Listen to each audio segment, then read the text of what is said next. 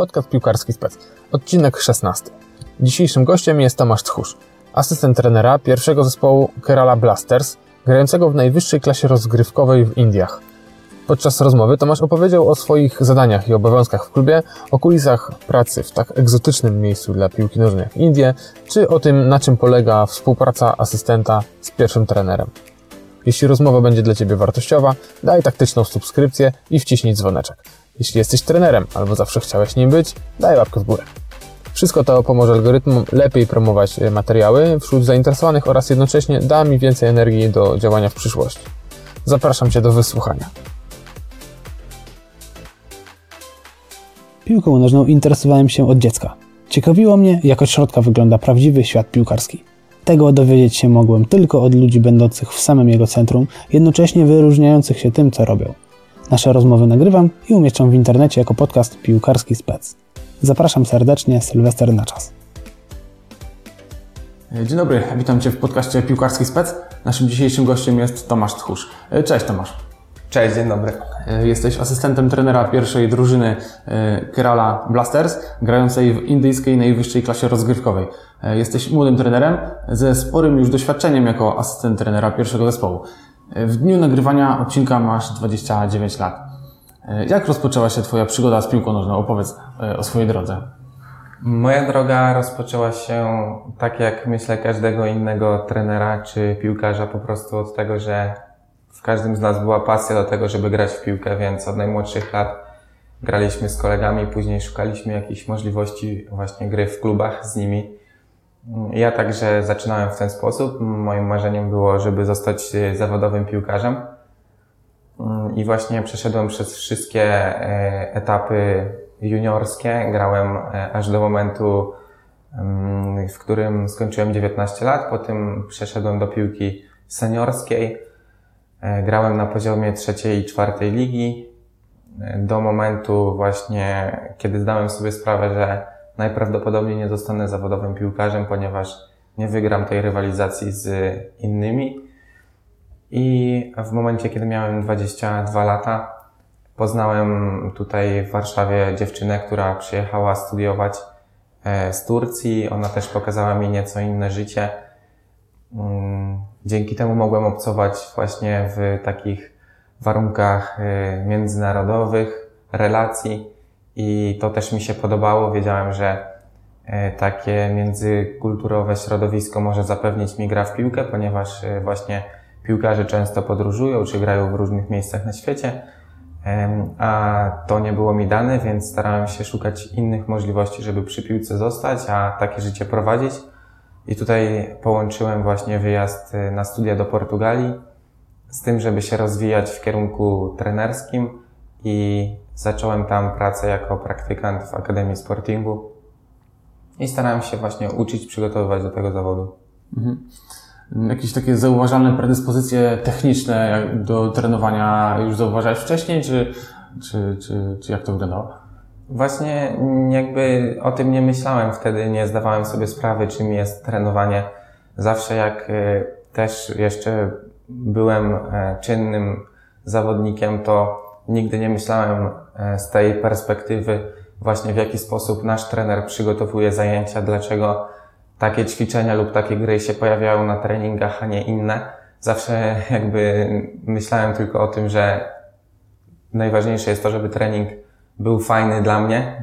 E, oczywiście fajny był w momencie, kiedy graliśmy dużo, więc e, nawet nie zwracałem uwagi na te ćwiczenia, które są potrzebne z punktu widzenia na przykład przygotowania fizycznego czy jakichś aspektów taktycznych, tylko e, dla mnie najważniejsze było to, żeby sobie na każdym treningu pograć i tylko na to czekałem jako zawodnik. Nie myślałem właśnie z tej drugiej perspektywy, tak jak już powiedziałem.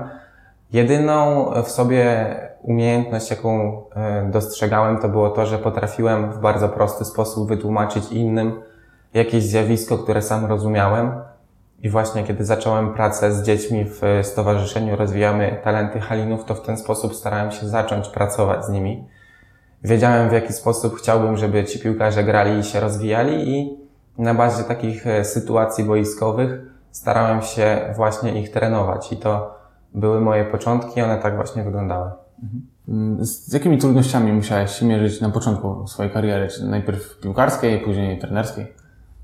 Właśnie tak jak e, każdy chłopak grający w piłkę, czy e, każdy człowiek w innej dziedzinie, te problemy są bardzo podobne, dlatego że zarówno w sporcie, jak i w każdej innej dziedzinie, mm, w której e, można osiągać jakieś awanse, czy po prostu wchodzić na wyższy poziom, występuje zjawisko rywalizacji. Wobec tego każdy rywalizuje zarówno wewnątrz tej swojej dziedziny, jak i na zewnątrz niej, więc te problemy y, tak naprawdę są bardzo podobne. Mogą się one, tak jak już powiedziałem, odnosić do samych umiejętności czy zdolności prezentacji siebie w właśnie warunkach tutaj w przypadku piłki nożnej gry. Ja uważam, że pomimo tego, że jakiś talent miałem, to może fizycznie odbiegałem od moich rówieśników i to mi nie pozwoliło zafunkcjonować właśnie na poziomie zawodowym jako piłkarz. E, to są te czynniki właśnie wewnętrzne, e, przez które przegrałem tą rywalizację, a jeśli chodzi o zewnętrzne, no to na pewno też być może inni trochę bardziej pracowali poprzez to, jakie relacje mieli z ludźmi, którzy decydują o tym, kto może po prostu dalej zajść, może byli trochę inaczej sytuowani, może ich rodziny bardziej o to zabiegały w różny sposób, ale nie chcę zrzucać tego na to winy, bo po prostu te problemy występują y, w każdej dziedzinie innej życia społecznego i każdy się z nimi mierzy, no i tak wygląda świat. Więc tutaj nie powiedziałbym, że ja jestem jakimś wyjątkiem i dotknęło mnie coś strasznego, przez co mi się nie udało, a inni ze mną wygrali. Obecnie pracujesz w takiej dość egzotycznej lidze, jak na polskie warunki, e, bo w lidze indyjskiej. Jak trafiłeś do tego tak odległego miejsca?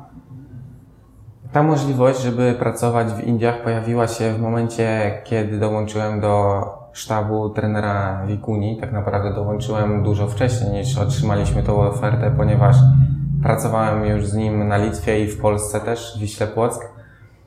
I e, trener po zwolnieniu z Wisły Płock otrzymał zapytanie, czy byłby zainteresowany pracą w Azji, w różnych krajach, między innymi właśnie w Indiach i takie zainteresowanie wyraził. Trener pomimo tego, że spędził 11 lat w Polsce, jest Hiszpanem. Także no, Hiszpanie mają na rynku międzynarodowym bardzo dobrą opinię przez to, w jaki sposób prezentowali się w ostatnich latach, y, czy to właśnie poprzez drużyny piłkarskie, czy poprzez pracę trenerów i Hiszpanie są mile widziani w, mile widziani w takich zakątkach jak Indie. Dlatego też trener dostał tą propozycję z niej skorzystał, a ja jako, że byłem jego współpracownikiem, no to siłą rzeczy też y, mogłem wyjechać. Trener zaproponował mi pracę dalej tam z nim i z tego skorzystałem. Jakie są różnice między treningiem albo ogólnie piłką nożną właśnie między polską piłką i indyjską piłką? W Polsce czy w Europie piłka jest bardziej zorganizowana, ustrukturyzowana. Tutaj e, w piłkę nożną zaczynają grać już dzieci w wieku dwóch, trzech lat, bo są od e, jakiegoś czasu piłkarskie przedszkola. Dzieci z piłką e, obcują cały czas, już nie tylko w takich warunkach właśnie mm, gdzieś tam na łąkach z przyjaciółmi, ale nawet jeżeli to jest w formie zabawy, to jednak y, ten trening, ta jednostka jest przygotowana w sposób zorganizowany, czyli jest jakaś drużyna, są jacyś trenerzy, jacyś opiekunowie, więc y, pierwszą różnicą jest to, że dzieci tutaj w Europie y, mają poświęcony czas na to, żeby w sposób poprawny zostać przygotowani do uprawiania sportu.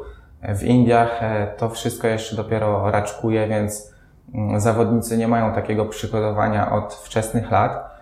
I to skutkuje tym, że mm, są również bardzo dobrze wyszkoleni technicznie, ale są w tym wszystkim e, bardziej tacy dzicy, naturalni, nie, nie zorganizowani w swoich działaniach. Natomiast y, różnica największa odnosi się do rozumienia gry, dlatego że im nikt nigdy nie tłumaczył, czym jest gra, na czym polega, w jaki sposób y, grać, jakie stosować techniki, żeby e, trochę łatwiej było lub żeby odnosić większe sukcesy na boisku w trakcie rywalizacji. Więc oni po prostu nie mają wiedzy o grze i to jest y, główna różnica pod względem właśnie piłki w Europie i w Indiach. Mm, Jakie mm, masz zadania jako asystent trenera? Za co odpowiadasz? Ogólnie przygoto- mhm, przygotowanie tutaj do tego, żeby prowadzić trening jest dość złożonym procesem. Ogólnie na początku każda e, drużyna, każdy sztab szkoleniowy musi e, odpowiedzieć sobie na pytanie, w jaki sposób chce grać. Czyli e, tutaj moja rola jako asystenta odnosi się do tego, że mm, przede wszystkim muszę zrozumieć, w jaki sposób chce grać pierwszy trener i też e, do tego, żeby jakieś swoje sugestie, propozycje aktualizacji czy ulepszenia tego sposobu e, dodać. To jest pierwsza rzecz, e, która jest najważniejsza tak naprawdę, bo od tej rzeczy zależy sposób przygotowania treningu. I tutaj moją rolą jest to, że właśnie na podstawie tego, w jaki sposób chce grać pierwszy trener, ja przygotowuję środki treningowe, cały proces treningowy, czyli układam kalendarz w zależności od tego, kiedy są e, w nim ulokowane nasze mecze i e, proponuję trenerowi, w jaki dzień, w jaki sposób trenować i co e, na tym treningu robić, jakie ćwiczenia czy gry piłkarzom prezentować. To jest pierwsza rzecz. Następnie też do moich zadań należy to, żeby zweryfikować, w jaki sposób gra nasz przeciwnik, bo tak jak nasza drużyna, tak i inne drużyny mają swój sposób gry, wiedzą w jaki sposób e, chcą rywalizować i my musimy e, ten sposób rozszyfrować, czyli kolejnym moim zadaniem jest e, analiza gry przeciwnika. Po wykonaniu tej analizy muszę przygotować strategię, czyli w jaki sposób połączyć to, jak my chcemy grać, z tym, w jaki sposób gra przeciwnik i mm, jakie przygotować strategie, żeby odnieść sukces. I później muszę się zastanowić nad tym, w jaki sposób te strategie trenować, żeby e, zawodnicy po pierwsze je poznali, a po drugie potrafili je zastosować w trakcie rywalizacji. Czyli e, to jest kolejny, kolejna rzecz, kolejny aspekt. Dalej, jeśli mówimy o analizie gry, mm, do moich zadań należy e, właśnie przedstawienie trenerowi tego, w jaki sposób ten proces przebiega, czyli dokonuję ewaluacji na podstawie materiału wideo z każdego treningu. Przygotowuję fragment, e, który odnosi się do tego, jak piłkarze pracują i e, co robią skutecznie, a co nie. E, Później też takie wideo przedstawiamy piłkarzom. Wobec tego najpierw muszę je przygotować, mm, edytować, a później zaprezentować. I w zasadzie to jest, są główne rzeczy, za które jestem odpowiedzialny jako drugi trener czy asystent trenera. Kurczę, jak tak słucham, to jest tego tak dużo, że zastanawiam się, jak wygląda Twój dzień. W sensie, ile godzin pracujesz dziennie, czy codziennie pracujesz, jak to wygląda? Wiesz co, akurat w moim przypadku jest to tak, że można powiedzieć, że pracuję cały czas w trakcie dnia, ale jakby te godziny pracy nie są w jakiś sposób sprecyzowane czy ograniczone. Ale myślę, że to zależy też od sztabu i od każdej jednostki, bo każdy jednak e, pracuje inaczej i czasami ma inne też preferencje. Ja jestem taką osobą, że e, nie potrafiłbym e, przyjść do pracy na przykład na ósmą i o 16 wyjść z biura i o 17 zacząć trening, dlatego że czasami pojawiają się w mojej głowie jakieś pomysły, nawet gdzieś, nie wiem, późno wieczorem, czasami w trakcie tego czasu właśnie, gdzie jestem w biurze, cały czas jakby te pomysły napływają do głowy i trzeba być cały czas aktywnym. Ja nie lubię być właśnie ograniczony czasowo, bo czasami można siedzieć 8 godzin w biurze i, że tak powiem, żaden pomysł nie wpadnie do głowy. Jednak praca trenera to jest, a szczególnie drugiego trenera, praca bardzo kreatywna. Dlatego, że trzeba, e, tak jak powiedziałem, odkrywać e, sposoby rywalizacji, e, których dokonują przeciwnicy, układać strategie, czyli wymyślać jakieś cały czas nowe idee, które się przedstawia trenerowi czy zawodnikom. Więc e, jakby też uważam, że e, dopiero można mm, bawić się tym tematem w momencie, w którym e, jakby dokonuje się takiej całkowitej imersji w ten temat, czyli takiego dogłębnego skupienia, myślenia, analizowania go. I te pomysły są efektem właśnie tego procesu. Wobec tego po pierwsze nie uważam, żebym pracował cały dzień, bo to jest moją pasją, a po drugie, no jakby pracuję finalnie cały dzień, bo czasami sobie robię kawę i mam tu przerwę, a czasami jestem pod prysznicem i myślę o piłce. Więc ciężko tak mi sprecyzować. Natomiast no, dzień wygląda bardzo podobnie też jak każdego innego, czyli w Indiach trenowaliśmy bardzo wcześnie rano, bo tam jest bardzo gorąco, więc jakby no, budzę się rano, przygotowuję się do e, treningu. Najczęściej jak trenujemy rano, to e, mamy już wszystko przygotowane dnia poprzedniego, więc jadę do klubu, przygotowuję boisko do treningu. To najczęściej się dzieje około dwóch godzin przed e, treningiem. Kiedy wszystko jest gotowe, wszyscy się spotykamy z innymi trenerami, omawiamy cały trening. Później z piłkarzami przedstawiamy ten trening piłkarzom e, w formie materiału wideo. E, wyjaśniamy, dlaczego będziemy trenowali tak, a nie inaczej i wychodzimy na trening. Wtedy ta praca się zaczyna na boisku. Do moich zadań należy przygotowanie właśnie całego boiska, organizacji, też prowadzenie różnych ćwiczeń, gier, w zależności od tego, jak widzi to pierwszy trener, pomocy temu trenerowi. Mm, i następnie, kiedy trening się kończy, e, właśnie jakoś no, przygotowujemy się do pracy w biurze, czyli bierzemy prysznic, coś tam zjemy, idziemy na lunch i zaczyna się praca w biurze i przygotowujemy po prostu kolejny dzień, tak jak już tutaj to tłumaczyłem. Mhm. Mówiłeś też, że mm, pierwszy trener zespołu ma swój styl i ten asystent tak jakby powinien się dostosować do tego pierwszego trenera. E, I dlatego też tak jest na przykład, że jakby trener pierwszego zespołu zabiera cały sztab ze sobą, jak gdzieś wyjeżdża do innego klubu. Właśnie to jest z tego e, spowodowane tym, że po prostu już się znają, już jakby ten drugi trener zna tego pierwszego i dobrze współgrają? Tak, dokładnie tak. Mhm. Tutaj to jest bardzo ważne, żeby się rozumieć szybko, żeby nie tracić czasu na to, że jakiś nowy współpracownik e, dołącza do sztabu i kompletnie nie zna tego, jak e, trener chce grać, też nie zna trenera. No jakby to jest taka praca, tak jak już powiedziałem, ona pochłania Mm, cały dzień i cały dzień spędza się z tymi ludźmi, więc też jest ważne to, żeby się dobrze dogadywać, żeby się po prostu lubić, mieć do siebie sympatię. A jakby tutaj no, relacje też nie tworzą się w krótkim czasie, tylko potrzeba jakichś doświadczeń, też potrzeba zaufania w piłce nożnej. Jak w każdym innym zawodzie, który jest bardzo dobrze opłacany, jest wielka rywalizacja, a wielka rywalizacja prowadzi do tego, że no każdy chce się w tym miejscu znaleźć i są jakieś czasami nieporozumienia. Wobec tego trzeba mieć przy sobie ludzi, którzy tych porozumień nie będą tworzyć albo nie będą pomagać innym w ich tworzeniu.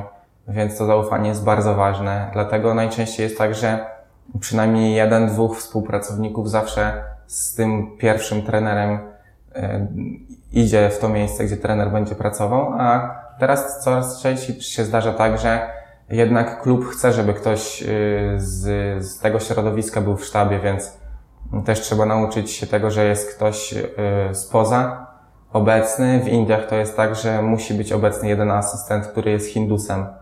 Więc też ta nowa osoba zawsze y, w ten sztab wchodzi i też zadaniem asystenta jest to, żeby tą atmosferę robić w sztabie, żeby, bo trener na to nie ma czasu, żeby tak zarządzać ludźmi, żeby atmosfera była dobra. Mhm. Mówiłeś też na samym początku, że od, od dziecka, czy, czy od początku swojej kariery, takiej między karierą piłkarską a trenerską, miałeś tą umiejętność rozwiązywania różnych problemów i to mi się łączy ładnie właśnie z tymi zadaniami, które ma asystent. To opowiedz jeszcze, jakie ma zadania, nie zadania, tylko umiejętności, jakie umiejętności powinien posiadać dobry asystent y, trenera. Y, jakby kto jest właśnie tym dobrym asystentem, kogo można nazwać dobrym asystentem trenera?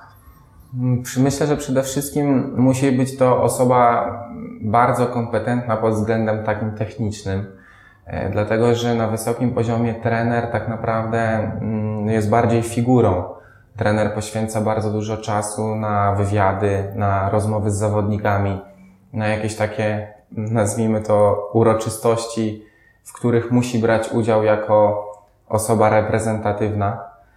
E, I tutaj e, po pierwsze, drugi trener czy asystent trenera to są właśnie osoby, które e, muszą e, bardzo dobrze być przygotowane do zawodu, żeby przygotować cały proces treningowy i jeżeli trener też e, z jakichś powodów sobie tego życzy, go poprowadzić.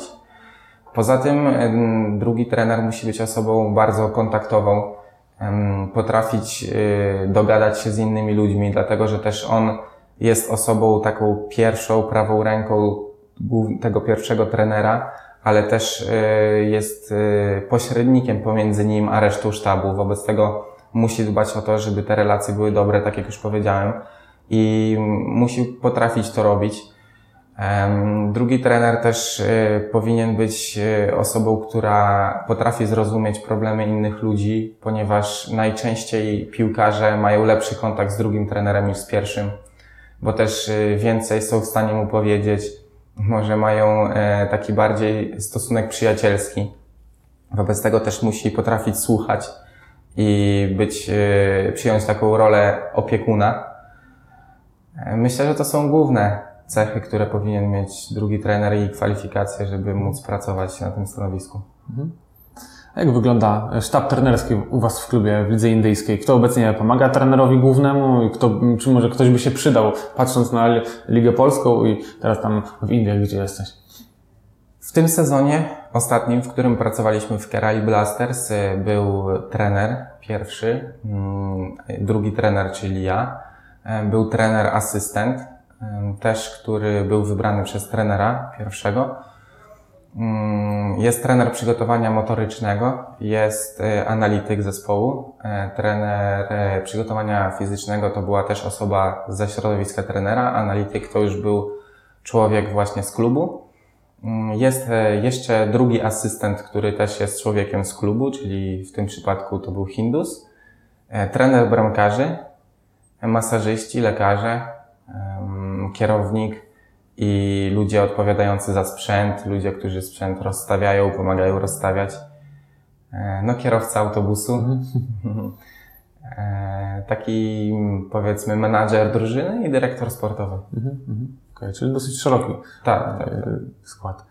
E, A jak wygląda ogólnie czy w, u Was w klubie, albo też w lidze indyjskiej scouting? Czy on jest? Czy jakie są różnice może między Polską a Indią też? Jeśli chodzi o rekrutację piłkarzy, to tym jakby zajmuje się dział, e, którym dowodzi dyrektor sportowy. On jest główną osobą, mm, która w konsultacji z trenerem decyduje o tym, jaki zawodnik powinien być poszukiwany i finalnie kto trafi do zespołu.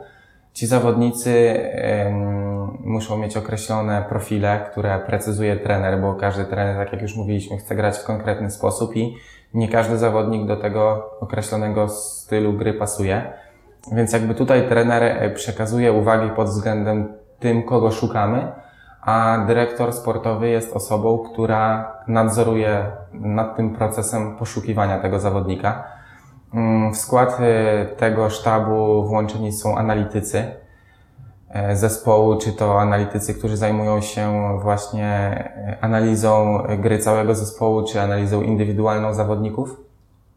No i poza tym to są jakby ludzie, takie ciało stworzone przez klub, a poza tym są jeszcze skauci, którzy e, pracują właśnie albo dla klubu bezpośrednio, czyli są przez klub zatrudnieni, albo pośrednio, czyli e, łączą funkcję e, na przykład pracy w innych klubach też, albo w jakichś agencjach menedżerskich i szukają piłkarzy nie tylko dla klubu, ale też dla kogoś innego. Mm, Więc y, to jest y, taki sztab ludzi, który nad tym pracuje i e, finalnie no, te kandydatury do dyrektora sportowego docierają i są analizowane, przedstawiane trenerowi, a ten e, wypowiada się, że takiego piłkarza chce mieć czy nie. Gdzie jest bardziej rozwinięty ten jakby dział scoutingu, czy w Polsce, czy, czy właśnie w Indiach też jest? Myślę, że e, jakbym miał porównać te miejsca, w których ja pracowałem, to wygląda to bardzo podobnie. E, Ani w jednym e, kraju, ani w drugim nie widziałem, żeby to był taki oddzielny dział, oddzielny departament, że po prostu, tak jak na przykład w Anglii, kluby mają swoje departamenty, które się tylko i wyłącznie tym zajmują. Tutaj raczej, tak jak już to przedstawiłem, była to praca wielu ludzi, którzy nie tylko się tym zajmują, ale są przede wszystkim włączeni do procesu treningowego i pomagają e, w tym dyrektorowi sportowemu i trenerowi. Okej, to zostawię już może na chwilę te Indie i chciałem się zapytać, o, bo jesteś autorem kilku książek. Y, Do kogo głównie one są skierowane? Kto skorzysta z nich najbardziej? Co to za książka? E, Tak, je- jestem autorem albo współautorem trzech książek. E, one są skierowane dla trenerów e, piłkarskich i e, są to książki, które omawiają tematykę treningu piłkarskiego. Jedna z nich przedstawia metodologię treningu piłkarskiego, druga zachowania, jakie mogą wystąpić w grze, a trzecia mój własny taki autorski pomysł, w jaki sposób można grać i poprzez tą grę wychowywać konkretnych ludzi. Mhm. Dla... Konkretne typy ludzi. Mhm.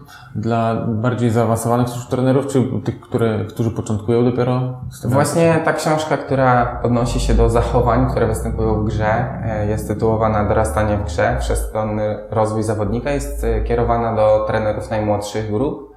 E, książka, która odnosi się do metodologii, jest kierowana już do tych trenerów, którzy pracują na poziomie piłki nożnej 11-osobowej Mm, natomiast mój autorski pomysł, który przedstawiam w tej trzeciej książce, tak naprawdę może być kierowany do wszystkich, bo jest to przedstawienie takiego ogólnego spojrzenia na piłkę e, i sposobów prowadzenia w treningu zarówno piłki nożnej 11-osobowej, jak i dziecięcej.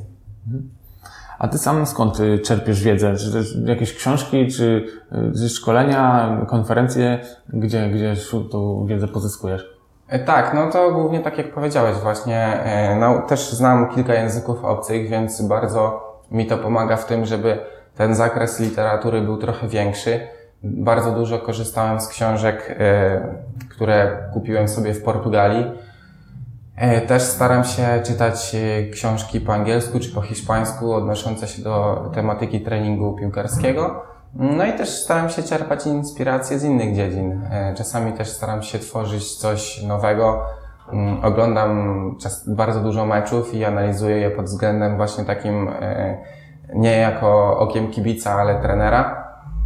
E, I staram się też tworzyć nowe rozwiązania, myśleć o tym, no to jest moją pasją, więc sprawia mi to przyjemność i jest to dla mnie łatwe. I potem staram się przelewać na papier te moje pomysły i mhm konfrontować z opiniami innych ludzi. A powiedz, jak właśnie się ogląda mecz dla osób, którzy mm, oglądają mecz okiem kibica, jak się ogląda taki mecz właśnie okiem trenera? Na co się zwraca uwagę, a na co się nie zwraca uwagę?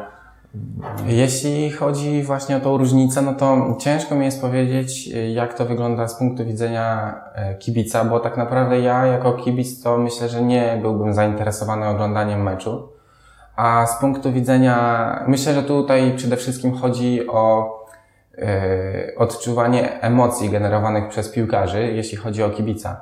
Czyli no, zdaję sobie sprawę, że kibic lubi, kiedy jest yy, gra bardzo bezpośrednia, dużo sytuacji bramkowych, kiedy tych bramek dużo pada, kiedy są jakieś niekonwencjonalne zagrania przez zawodników, które można podziwiać. Natomiast patrząc na mecz okiem trenera, głównie patrzy się na to, jakie zachowania prezentują na boisku zawodnicy mający lub nie mający piłki, mm, e, w jaki sposób wchodzą w relacje z innymi, czyli e, stara się dostrzegać współpracę grupową zawodników, w jaki sposób jest ona prowadzona, w jaki sposób zajmują piłkarze przestrzenie, jak pozycjonują się względem przeciwnika, do czego to prowadzi, jeżeli ci piłkarze nie mogą odnaleźć miejsca dla siebie na boisku, to jakie narzędzia są tymi, które pomagają im to miejsce stworzyć. Więc właśnie trenerzy patrzą na to w ten sposób. Mhm. Okay. Mówiłeś też o językach. Jakie języki znasz? I pewnie to Ci pomaga właśnie, żeby się porozumiewać z piłkarzami, prawda? Z różnych tak. może mhm. krajów. Jak, jak, jak to właśnie wygląda? Ta znajomość języków, jak, jak pomaga? E, no znam polski, mhm. angielski, hiszpański, portugalski. To są te cztery języki. Mm, na pewno pomaga mi to w tym, żeby komunikować się z innymi zawodnikami, czy nawet ze sztabem, bo właśnie z trenerem, e, z którym pracowałem, z trenerem Kibu, rozmawialiśmy po hiszpańsku. W naszym sztabie był jeszcze inny Hiszpan, z którym też w tym języku rozmawiałem. Był też Litwin.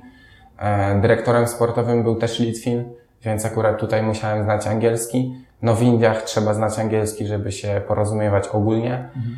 E, po portugalsku też e, rozmawiałem na przykład z takim piłkarzem Babą Diawara, który był naszym zawodnikiem w Mohun Bagan, dlatego że mimo, że jest z Senegalu, to grał bardzo długo w Portugalii, mm, więc w szatni można z tego skorzystać i lepiej dotrzeć do innych piłkarzy.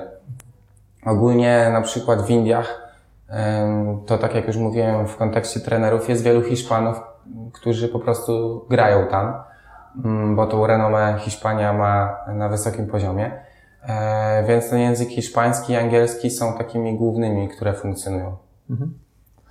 E, Powiedz, czy twoja praca jako e, asystenta trenera jest stresująca? Jak to jest? To zależy, jak też ktoś do tego podchodzi, bo można powiedzieć, że z jednej strony nie, bo wszystko i tak idzie na konto pierwszego trenera, więc tak naprawdę no, e, nie jesteśmy osobami, które stoją e, na tym świeczniku, że tak powiem. Nie, nasza twarz nie jest e, oceniana cały czas, czy to w mediach, w prasie, czy nawet właśnie w codziennym obcowaniu z kibicami.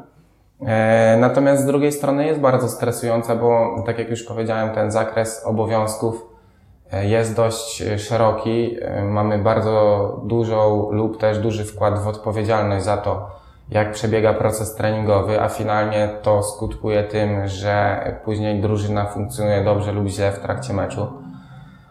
Więc ten nasz wkład w sposób pośredni jest bardzo duży i Jest to stresujące pod takim względem, że staramy się doprowadzić do tego, żeby sukcesy odnosił pierwszy trener, bo my jesteśmy od niego zależni i tak naprawdę to on nam daje pracę.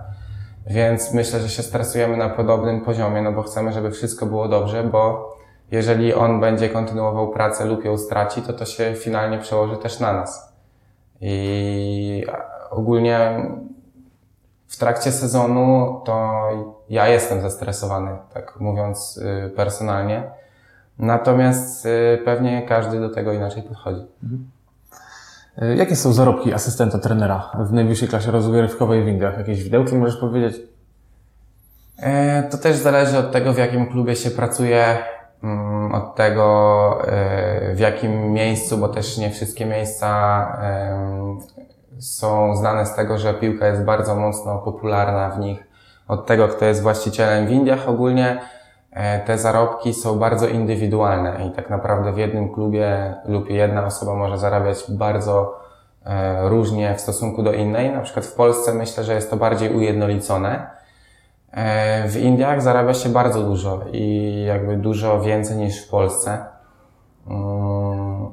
Na pewno kilkadziesiąt tysięcy złotych. E, Miesięcznie? Tak. I e, w stosunku, na przykład moje pobory, w stosunku do tego, co zarabiałem w Polsce, jak e, patrzeć na ten ostatni sezon, no to tak na rękę powiedzmy wzrosły 4-5-krotnie. Więc w Indiach zarabia się bardzo dużo.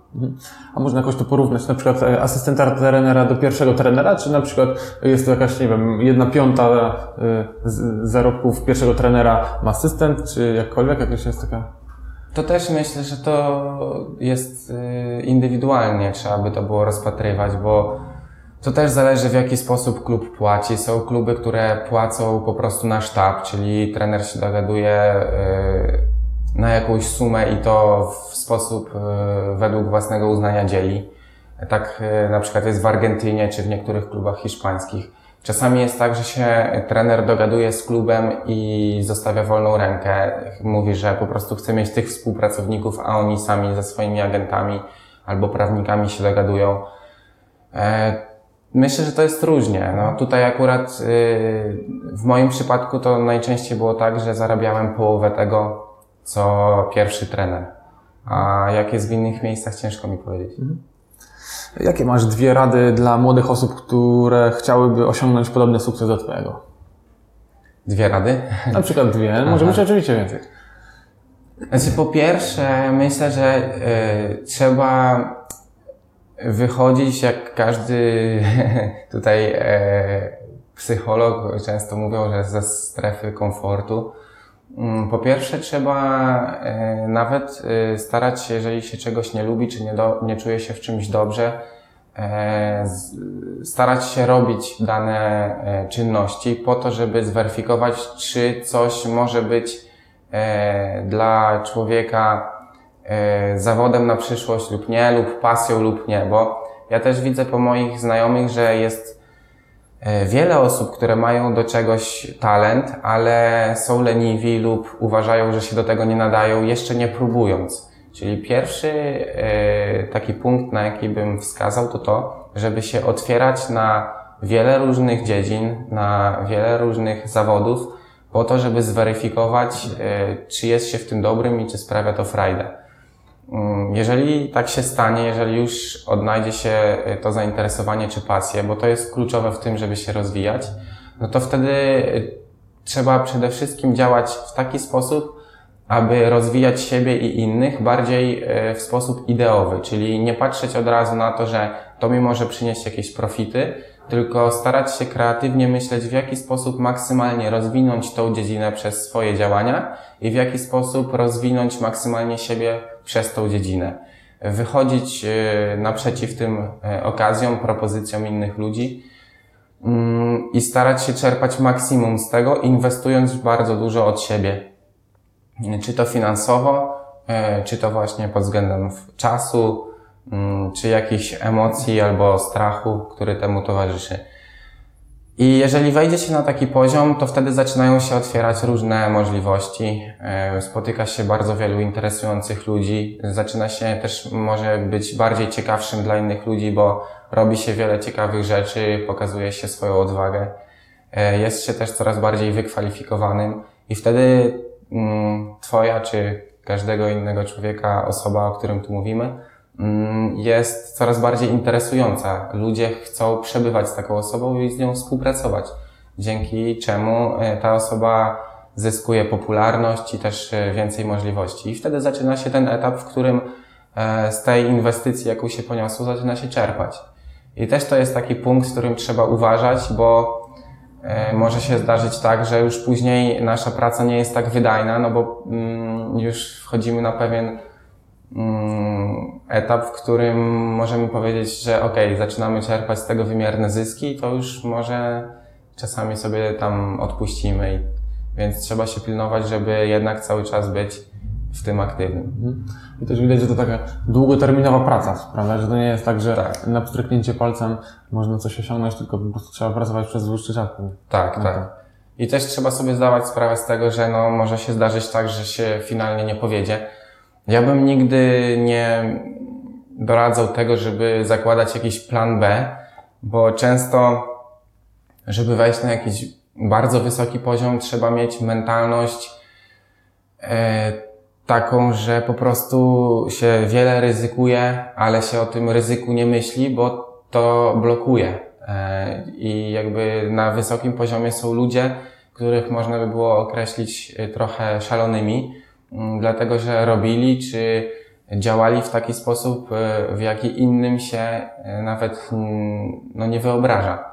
Tutaj często jest tak, że mm, jak mamy na przykład rozmowę dwóch ludzi, e, człowieka, nazwijmy go sukcesu i człowieka takiego, któremu jeszcze się w życiu nie udało, to bardzo często możemy dostrzec, że ta druga osoba w pewien sposób krytykuje myślenie lub sposób działania tej pierwszej. E, porównuje go jakoś i tak dalej. I to chodzi o to, że ten człowiek jest na tym poziomie, na którym jest, bo ma taką, a nie inną mentalność i osobowość. E, I wobec tego trzeba brać przykład z tych osób, kopiować je e, i trochę być takim luźnym od strachu i niepowodzeń. Mhm. Jakie masz plany na przyszłość? Gdzie Cię szukać za 5, za 10 lat? Na przyszłość najbliższą mam plany takie, że chcę jeszcze dalej kontynuować pracę w Indiach. Mam nadzieję, że w tym tygodniu już sfinalizuję właśnie przedłużenie kontraktu. Dzisiaj mam zamiar odesłać swoje dokumenty. A następnie no zobaczymy. Chciałbym e, zmierzać w tym kierunku, żeby być pierwszym trenerem. E, teraz najprawdopodobniej zostanę pierwszym trenerem drugiego zespołu, więc chcę się w tym kierunku rozwijać. E, bardzo chciałbym e, wrócić kiedyś do Europy, tutaj pracować, ale też e, podobają mi się takie kierunki jak kraje arabskie. Właśnie często podróżuję przez Dubaj czy Katar i bardzo mi się tam podoba, więc chciałbym też po Indiach jeszcze móc tam pracować. Mm, więc myślę, że jeszcze te najbliższe lata spędzę za granicą, a tak jak już będę bliżej 40 roku życia, to już będę starał się tutaj raczej do Polski wracać. Mhm. E, Jaki widzisz jeden największy problem w świecie piłki nożnej, e, za który wiele byś dał, żeby go nie było? Wiesz, no ciężko mi powiedzieć. Pewnie tych problemów jest bardzo dużo, ale się o nich nie myśli, e, bo po prostu są z nami na co dzień i, i tego tak nie dostrzegamy. No, no nie odpowiem Ci na to pytanie. Okej. E, Jaki był Twój piłkarski idol w dzieciństwie i dlaczego? Myślę, że na pewno lubiłem Beckhama. Pamiętam, że czytałem e, jego biografię. Mm, Jak byłem dzieckiem, to tak raczej nie myślałem w, pod kątem właśnie jakiejś wartości takiej, którą przedstawia dana osoba, tylko bardziej podążałem za tłumem, czyli Beckham miał fajną fryzurę, czy był, prawda, przystojny, tam miał fajne dziewczyny, czy tą swoją żonę, którą teraz ma, e, też miał takie życie, no, jak z Hollywood. Więc pamiętam, że nawet mam wielki plakat w pokoju Beckhama. Mm, Lubiłem Zidana, bo dobrze grał. e, Bardzo lubiłem Ronaldinho, ale tak jak widzisz, to są takie osoby no, z wielką wartością sportową, ale mm, może niekoniecznie je lubiłem za to, jaką wartość przedstawiali poza piłką. E, Co wnosili do życia i jak to życie rozwijali. Więc no, no, oni byli moimi idolami, ale tylko dlatego, że dobrze grali. E, Każdy odcinek podcastu wspiera jakiś zaproponowany przez gościa cel charytatywny. Jaki dzisiaj e, cel będziemy wspierać? Masz jakiś pomysł? Propozycję? Wiesz co, znajdziemy może właśnie jakiś sposób, żeby pomóc dzieciom najmłodszym, które z powodu mm, problemów zdrowotnych, ogólnie mówiąc, y, mają problem z tym, żeby w tym momencie albo w ogóle kontynuować właśnie grę w piłkę nożną. I, I tutaj zaproponujemy coś może przez y, właśnie, nie wiem, jakiś link, czy Tak, pod, pod odcinkiem często link jest zawsze umieszczony, także mm, taką akcję wesprzemy. Jeżeli będziesz miał jakąś konkretną, to właśnie do tego linku wrzucimy jakby wpis. Jasne. w opisie. Żeby pomóc im albo wrócić, albo e, być może przeznaczą jakieś środki na, na inne zainteresowania. I ostatnie pytanie, jeśli ktoś chciałby znaleźć więcej informacji o Tobie, gdzie można znaleźć? No na pewno w internecie, jak się wpisze moje imię i nazwisko, to jest dość łatwo, dlatego że właśnie od razu łączy ten wynik z książkami, czy z moją stroną, czy z innymi podcastami, e, czy jakimiś tam wideo na YouTubie. Więc jak ktoś wpisze Tomasz Tchórz w Google, to na pewno znajdzie. Okej, super. Ja Ci bardzo dziękuję za rozmowę. Bardzo mi, mi było miło z Tobą rozmawiać. Pozdrawiam wszystkich słuchaczy. No i do zobaczenia następnym razem. Dziękuję bardzo. Dzięki. Mam nadzieję, że wyniesiesz z tego odcinka wiele ciekawych i wartościowych informacji. Na koniec, jak zawsze, mam prośbę o zostawienie komentarza. Co myślisz o rozmowie? Może jakieś sugestie dotyczące tego odcinka czy przyszłych? Masz y, pomysł, kto ciekawe mógłby zagościć w podcaście? Napisz y, proszę swoją propozycję w komentarzach. Jeśli rozmowa y, Ci się podobała i wyniosłeś bądź wyniosłaś z niej coś dla siebie, zareaguj. Daj taktyczną łapkę w górę lub w dół, subskrypcję i dzwoneczek, lajka lub coś w ten deseń. To doda mi jeszcze więcej energii, żeby tworzyć podobne materiały. Udostępnij lub prześlij link, jeśli ktoś z rodziny czy znajomych mógłby być zainteresowany podobnym tematem. Będę Ci bardzo wdzięczny za każdą pomoc w szerzeniu podcastu. Do usłyszenia w kolejnym odcinku. Cześć!